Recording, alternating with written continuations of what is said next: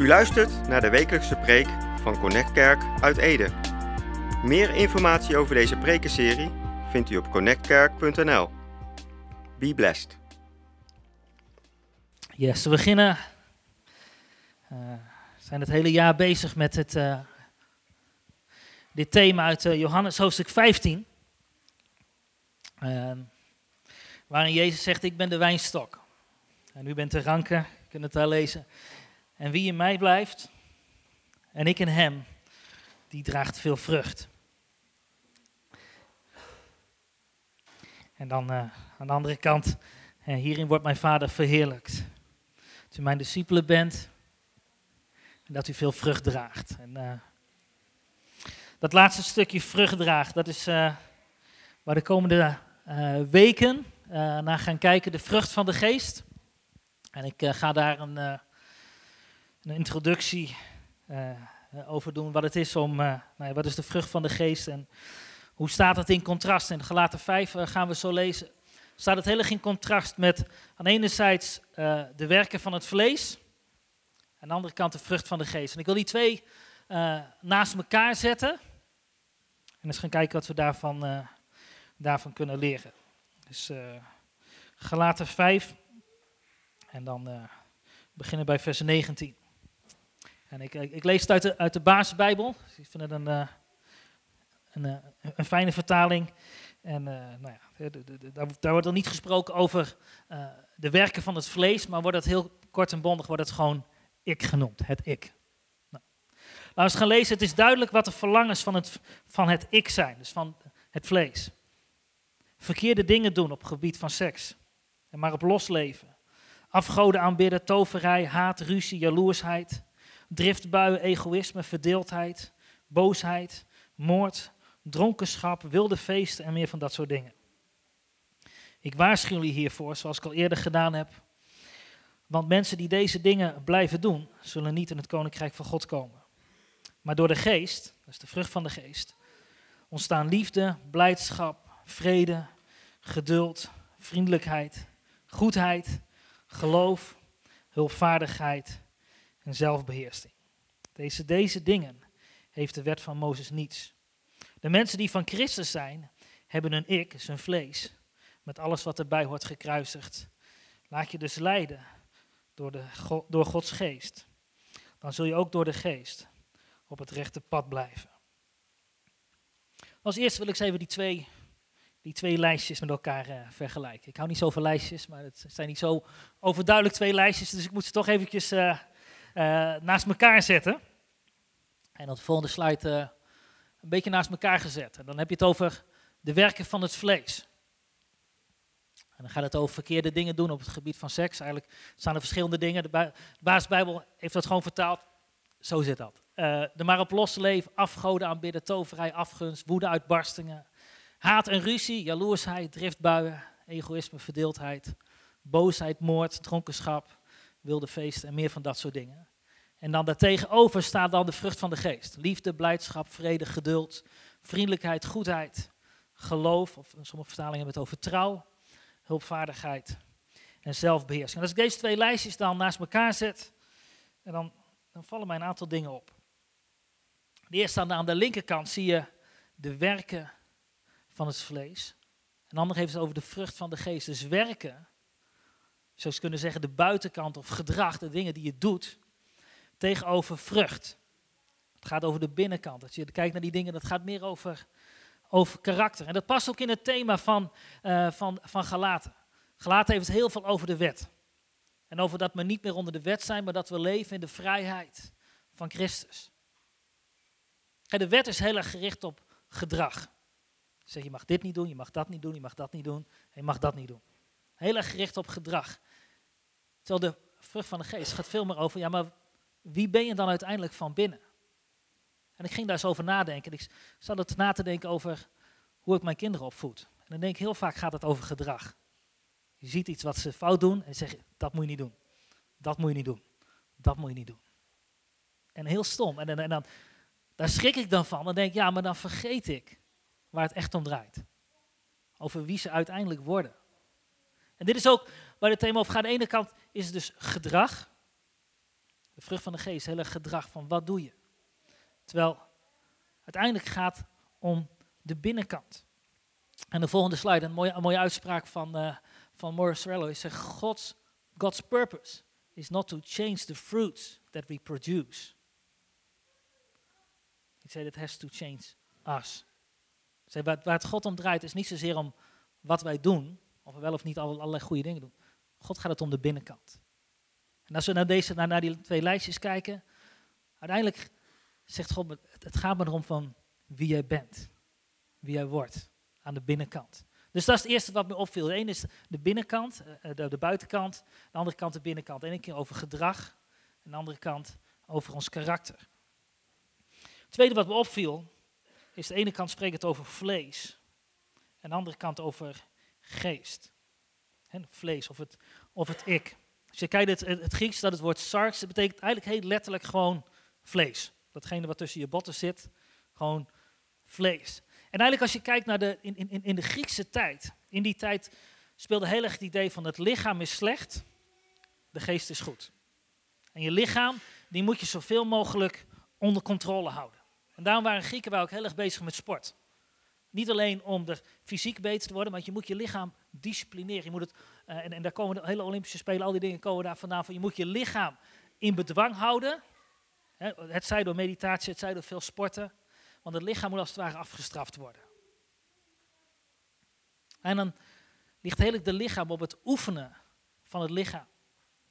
Als je kijkt naar uh, wat, wat, wat, de Bijbel zegt in 1 Timotheus 5 vers 8, is zegt, oefen je geest in het dienen van God. In, het, in, het, uh, in de oude vertaling staat, oefen je in de godsvrucht. Het gaat weer over vrucht, over in de godsvrucht. Het oefenen van je lichaam is niet erg nuttig, maar het oefenen van je geest in het dienen van God is voor alles nuttig. Want het hoort bij een belofte voor het leven uh, nu en een leven in de toekomst. Eigenlijk zegt, in de Griekse tijd was het focus je op het lichaam, train dat. Terwijl de Bijbel zegt, ja maar focus je op God. De echte vrucht ligt niet zozeer in het, het, het proberen disciplineren van het vlees, het in bedwang houden van je lichaam, maar richt je op God. En God verandert uiteindelijk datgene in het lichaam. Dus niet het, de, Paulus zegt dat heel radicaal, hij zegt het lichaam moeten we doden. Heel radicaal, niet trainen, niet oplappen, niet proberen beter te maken. Hij zegt maar, dood het vlees. Maar hoe doe je dat? Door je te richten op de geest. Door je te richten op God en daar je aandacht, aan te, je aandacht daarop te richten. Het derde wat mij, wat mij opviel, is als we nou eens goed naar die twee lijstjes kijken. Dan zien we eigenlijk dat bij een gebrek aan wat we aan de, aan de rechterkant zien, dat veroorzaakt het gedrag wat we aan de linkerkant zien. En ik heb zo in die volgorde gezet. Maar als mensen geen liefde hebben ontvangen, geen liefde hebben in hun leven, wat, wat gebeurt er dan? Dan zie je al soms dat, dat mensen heel erg in allerlei seksuele relaties storten. Waarom? Niet omdat dat nou eenmaal zo, dat zo leuk is, maar omdat er een pijn van binnen is vanwege het gebrek aan liefde. Als mensen niet een, een diepe innerlijke blijdschap hebben die van God komt, dan komt daar het surrogaat door er maar op los te leven. En probeer daar je blijdschap vandaan te halen.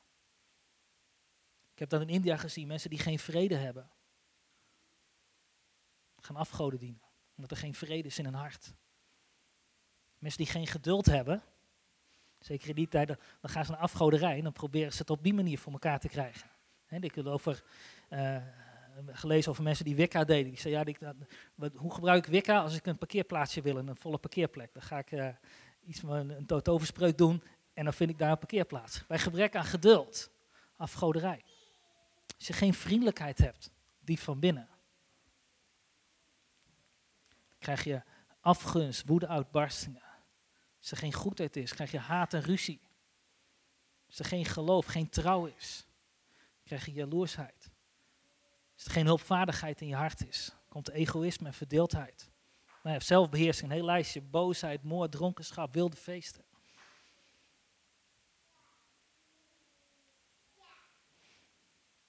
Ik geloof, de Bijbel zegt, kijk, in, in, in Lucas 6 spreekt het over de, een goede boom die goede vruchten voortbrengt. Lucas 6 kan lezen, de goede geen, de goede geen slechte vruchten aan een goede boom en de goede geen goede vrucht aan een slechte boom. Elke boom kun je herkennen aan de vruchten die eraan groeien, want aan doornenstruiken groeien geen vijgen, aan een braamstruik geen druiven.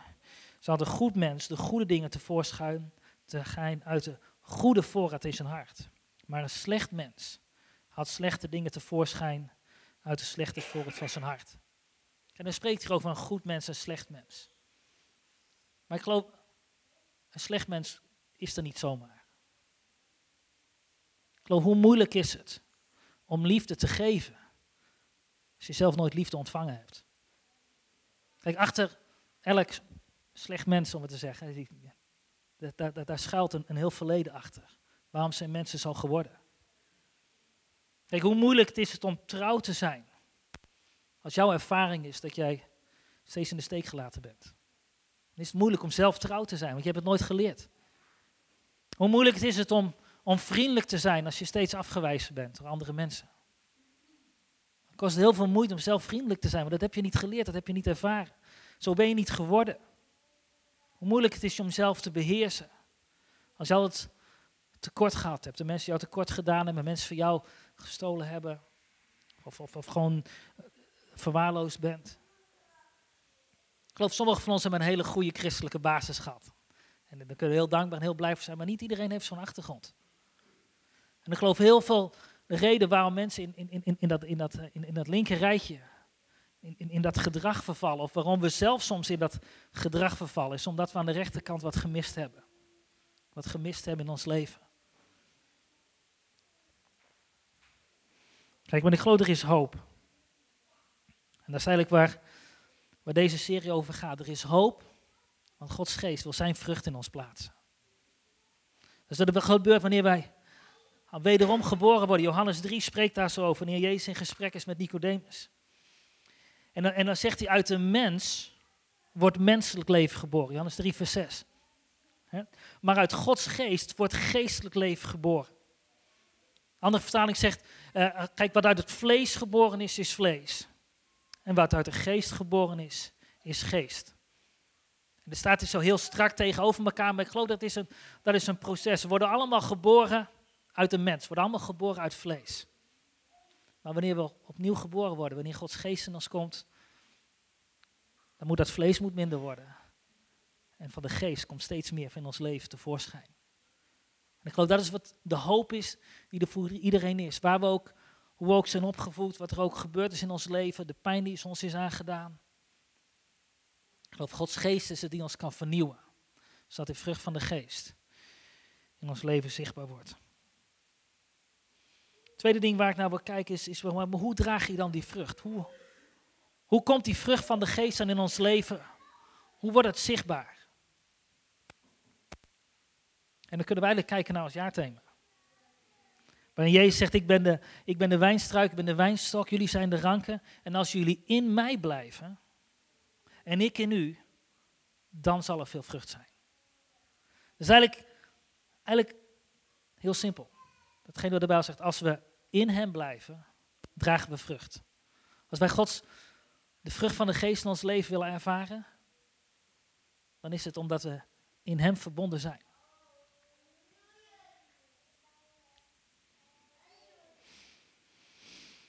Kijk, als je de volgende eh, slide laat zien, dan in het afgelopen voorjaar, in, in onze voortuin hadden we, hadden we buksen staan. Ik weet niet wie nog meer buksen in een tuin hadden staan. Grote kans dat die er nu niet meer staan. Die zijn allemaal opgegeten door de buksesmot. Zo ook bij ons, dus er moest wat gebeuren. Uh, dus ik heb al die buxus uit de, uh, eruit gegooid. En, en uiteindelijk, terwijl ik daar bezig was, had ik al het hele idee, ik, ik, ik moet een, een, een rozenboompje verplaatsen. Want ik wil aan de andere kant wil ik een opritje maken. Nou ja, maakt verder niet uit. Maar ik, ik had een, een, een rozenboompje gepakt en uh, die heb ik uh, uitgegraven met een schep erin. Uh, alleen wat er gebeurt als je met de schep erin gaat, je gaat wat wortels doorsteken. En het, het gevolg is, en dat, dat, kun je hier zien, en dit was nog niet eens op het slechtste, is dat al die andere boompjes staan heel mooi in bloei. En dat ene boompje was bijna dood. En het was op een gegeven moment heel triest. Ik, ik had zoiets, die gaat het echt niet meer redden. Uh, alle blaadjes gingen slap hangen. Nadat ze slap gingen hangen, werden ze bruin. En nadat ze bruin werden, vielen ze er vanaf. En zag het er heel triest, uh, heel triest uit. Uh, maar ja, naar goed Bijbels voorbeeld, de volgende slide. wat ik gedaan heb, ik heb er een, een geul omheen gegraven. De Bijbel zegt nog één keer een geul eromheen, water eroverheen, water geven, bemesten en hopen dat hij het weer doet. En we rimpel. tweede foto, heel trots gemaakt. Het eerste bloemetje die weer kwam. De eerste vrucht. He, veel, veel tijd in gestopt en, en, eh, en, eh, en uiteindelijk, uh, daarna zie je, het is het mooiste bloemetje van de hele, de mooiste rozenstruik van de hele voortuin geworden. Maar dat, eigenlijk, waarom ik dit verhaal vertel, is dat wanneer wij losgestoken worden, wanneer we onze wortels verliezen, wanneer we afgesneden zijn van God, afgesneden zijn, dan, dan verdort er iets. Kijk, als je vrucht wil dragen, dan is zo belangrijk om verbonden te zijn en verbonden te blijven. Op het moment dat het doorgesneden wordt, ging er iets stuk.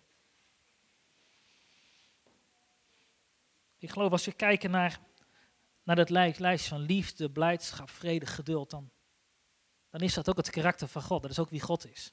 En ik geloof als we met Hem verbonden zijn, dan drinken we als het ware in wie God is. Als we in Zijn aanwezigheid zijn, als we, als we Hem ervaren, als we met Hem bezig zijn, dan worden we ermee gevoed. En ik geloof, wanneer we drinken uit die bron van liefde, blijdschap, vrede, geduld, vriendelijkheid, goedheid, trouw, hulpvaardigheid, zelfbeheersing, het kracht van God, wanneer we daaruit drinken, tot ons hart ermee gevuld wordt, dan stroomt dat over. En verdwijnen langzamerhand steeds meer die werken van het vlees. En ik merk ook bij mezelf, wanneer ik wat minder verbonden ben met God, wanneer ik daar wat minder mee bezig ben, dan merk ik ook bij mezelf dat dat verandert. Dan word ik kribbig, dan word ik kortaf, uh, dan sluit ik wat af van mensen, dan word ik egoïstischer en dan denk ik, ik ben aan het verdorren. Ik mis iets in die, in de relatie met God. En dan weet ik, ik, ik moet Hem weer zoeken. In het proces met dat, dat ik bezig was met die, uh, met, met die roosstruik. Op een gegeven moment was het helemaal bruin. En, en, en, toen, toen ben ik op een middag ben ik al die bruine takjes eruit aan het halen. Aan het snoeien. Van nou, dit, dit wordt hem niet meer, hup, eraf. Die tak is ook dood, hup, eraf. En al die, al die dingen weggehaald, zodat er uiteindelijk heel weinig overbleef. Maar juist daarna zag ik dat hij begon te groeien. En ik geloof soms zo ook in ons leven. Die dingen die dood zijn, die dingen die geen goede vrucht voortbrengen, datgene wat verdord is, haal het er maar uit. Zodat hetgene, als wanneer we dan weer gaan, ons gaan voeden met, met Gods woord, met, met God te zoeken. Wanneer we drinken uit die bron, dan komt er weer nieuw leven. Het laatste waar ik naar wil kijken is dat dat vrucht brengt leven. Het doel van vrucht is altijd dat het leven voortbrengt. Maar leven voortbrengen is ook pijnlijk. Vraag maar aan de moeders hier in de zaal. Leven voortbrengen is pijnlijk. Nee, dit, het gaat niet vanzelf. Kijk, een, een, bloem is prachtig. is hartstikke mooi. Die roosterstruikjes uh, daar in de tuin. is prachtig. Mooie roze bloemetjes. Maar uiteindelijk wil zo'n rozenboom vrucht dragen, dan moet die bloem moet afsterven. Want onder dat bloemetje zit de vrucht.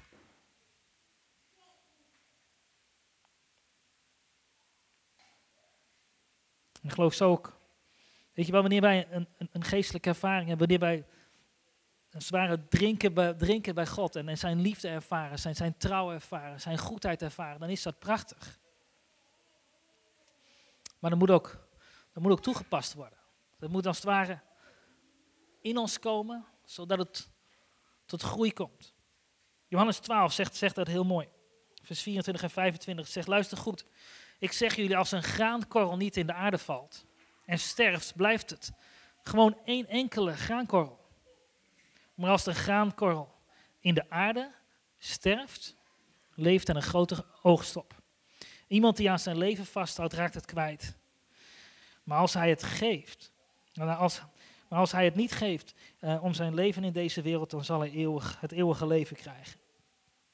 Kijk, een bloem, uiteindelijk een bloem sterft. Daaronder is de vrucht. Die vrucht moet uiteindelijk ook weer van de boom afvallen.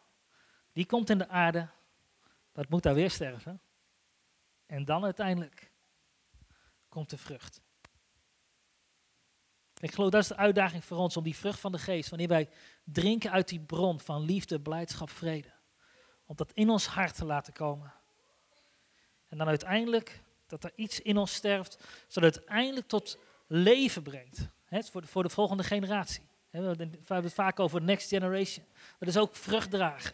Dat is ook, er sterft iets in jezelf. Zodat het vrucht draagt voor een volgende generatie. En ik wil nog eens even kijken naar het, als laatst nog heel even naar het lijstje kijken. En eens kijken, ja, maar hoe werkt dat dan? Wanneer die vrucht sterft in ons leven. Hoe dan dan uiteindelijk tot bloei komt. Kijken naar liefde. Kijk, we ontvangen liefde van God. Dat kunnen we ervaren, kunnen we, kunnen we, kunnen we in leven. Ze ontvangen die liefde van God, maar uiteindelijk moet dat sterven, zodat we dat terug kunnen geven. Soms voor mensen die, eigenlijk die liefde helemaal niet verdienen. Je kent misschien wel mensen om je heen die denken van, nou, als ik die liefde moet geven, die is het eigenlijk niet waard. Of die, dat, dat kost me heel veel moeite. En dat is wanneer dat moet, dat is, dat is dat sterven in ons hart. Dat die liefde van God voor ons zo overvloedig wordt. Dat we beseffen, ja, God had mij lief toen ik een zondaar was. Kan ik een andere zondaar ook lief hebben? Dan sterft er iets in jezelf, zodat je het door kan geven naar de ander. Zodat zij ook leven, echte leven, mogen ervaren. Hetzelfde kunnen we, kunnen we zeggen over blijdschap. We kunnen de blijdschap van God ervaren. Als ze zo'n lied zingen, I will exalt you forever, dan ervaar je blijdschap. Tenminste, toch? En dan ervaar je de blijdschap van God.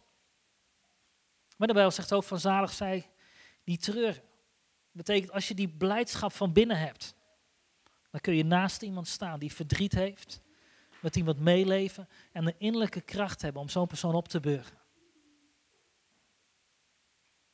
Zodat je troost, hoop en leven kan brengen voor hen die door verdriet heen gaan.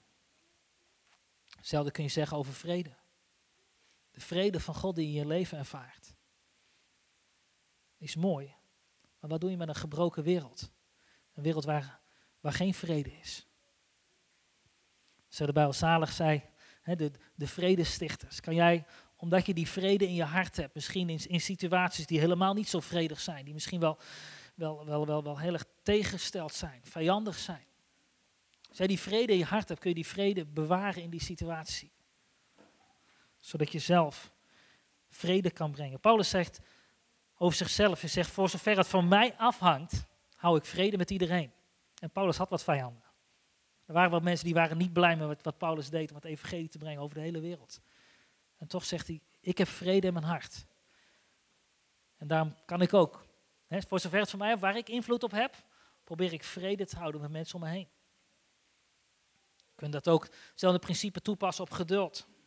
Zegt omdat je geloof in Gods goedheid zo sterk is. Omdat we geloven dat God goed is. Kun je geduldig zijn. maar, want God is geduldig met ons. maar als we dat dan in ons leven gaan toepassen en we moeten geduldig zijn met mensen om ons heen, ja, dan sterft er soms iets. dan, soms letterlijk dat je denkt van, maar dan pas je die vrucht van de geest, hetgene wat God in je hart doet, pas je toe. En dan sterft er als het ware iets in jezelf, maar uiteindelijk brengt het leven, brengt het voort. En zo kunnen we doorgaan over, over vriendelijkheid en goedheid. De Bijbel zegt, God is goede tieren, God is goed. Hij is trouw, hij is liefde, hij is vriendschap. Hij is bewogen met mensen in nood. En dan komt diezelfde vraag komt dan weer terug. Van, ja, maar hoe zit het met jouw goedheid naar anderen toe? Zie jij de nood in een ander? En wat doe je daar dan aan? Kijk, goedheid, dat, dat, daar, zit ik, dat, daar zit ook, het, het geven zit daarin. He, geven kost, kost wat. dus omdat God die goedheid en die vriendelijkheid in ons hart heeft geplaatst. Geloof en trouw. God, is, God gelooft in jou. Ik geloof dat. Dat God in jou gelooft. En wij geloven in God, maar ik geloof God gelooft soms nog meer in ons als dat wij in God kunnen geloven. Weet je, God blijft trouw. En vanuit die bron kunnen wij ook trouw zijn. En soms moeten we trouw zijn aan mensen die ons niet zo trouw zijn. En dan sterft er ook weer iets in ons. Maar dan brengt dat leven en brengt dat vrede. Nou ja, zo kun je dat en kijken naar hulpvaardigheid, naar zelfbeheersing. Ik geloof wanneer die vrucht van de geest, wanneer dat in ons leven komt. En wanneer we steeds meer drinken uit die bron van Gods liefde, van Gods trouw, van Gods goedheid. En dat wordt een onderdeel van wie wij zijn. dan geloof ik, kunnen we in, in situaties die heel erg tegengesteld zijn, die niet liefdevol zijn, die niet vredig zijn, die niet uh, al die dingen zijn, kunnen we overeind blijven. En tot zegen zijn voor, uh, voor mensen om ons heen.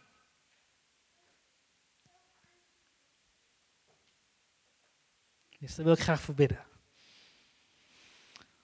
God, ik dank u dat u goed bent. Ik dank u voor de, de vrucht van de geest. Ik dank u dat wanneer wij mogen, mogen proeven van wie u bent. Wanneer we mogen ervaren wie u bent en, en hoe goed en hoe trouw en hoe liefdevol u bent. Want ik wil u bidden dat dat een, een deel wordt van wie wij zijn. Dat u ons verandert. U zegt we worden opnieuw geboren, worden een nieuw mens. En ik geloof omdat het is. Omdat we mogen drinken van uw bron. Dat uw karakter, dat, dat wie u bent, dat dat een onderdeel wordt van wie wij zijn. En God, ik wil u bidden dat, dat het mag overstromen.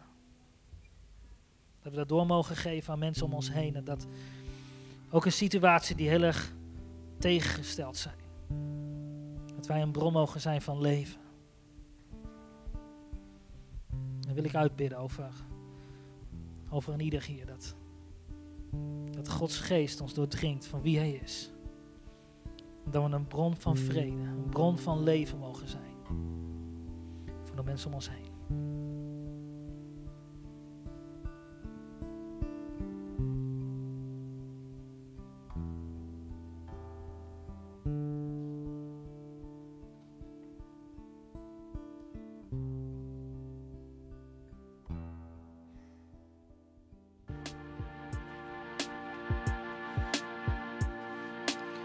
U luisterde naar de wekelijkse preek van Connect Kerk uit Ede. Meer informatie over deze gemeente en alle preken over dit thema vindt u op connectkerk.nl of bezoek onze Facebookpagina. Bedankt voor het luisteren en wees tot zegen.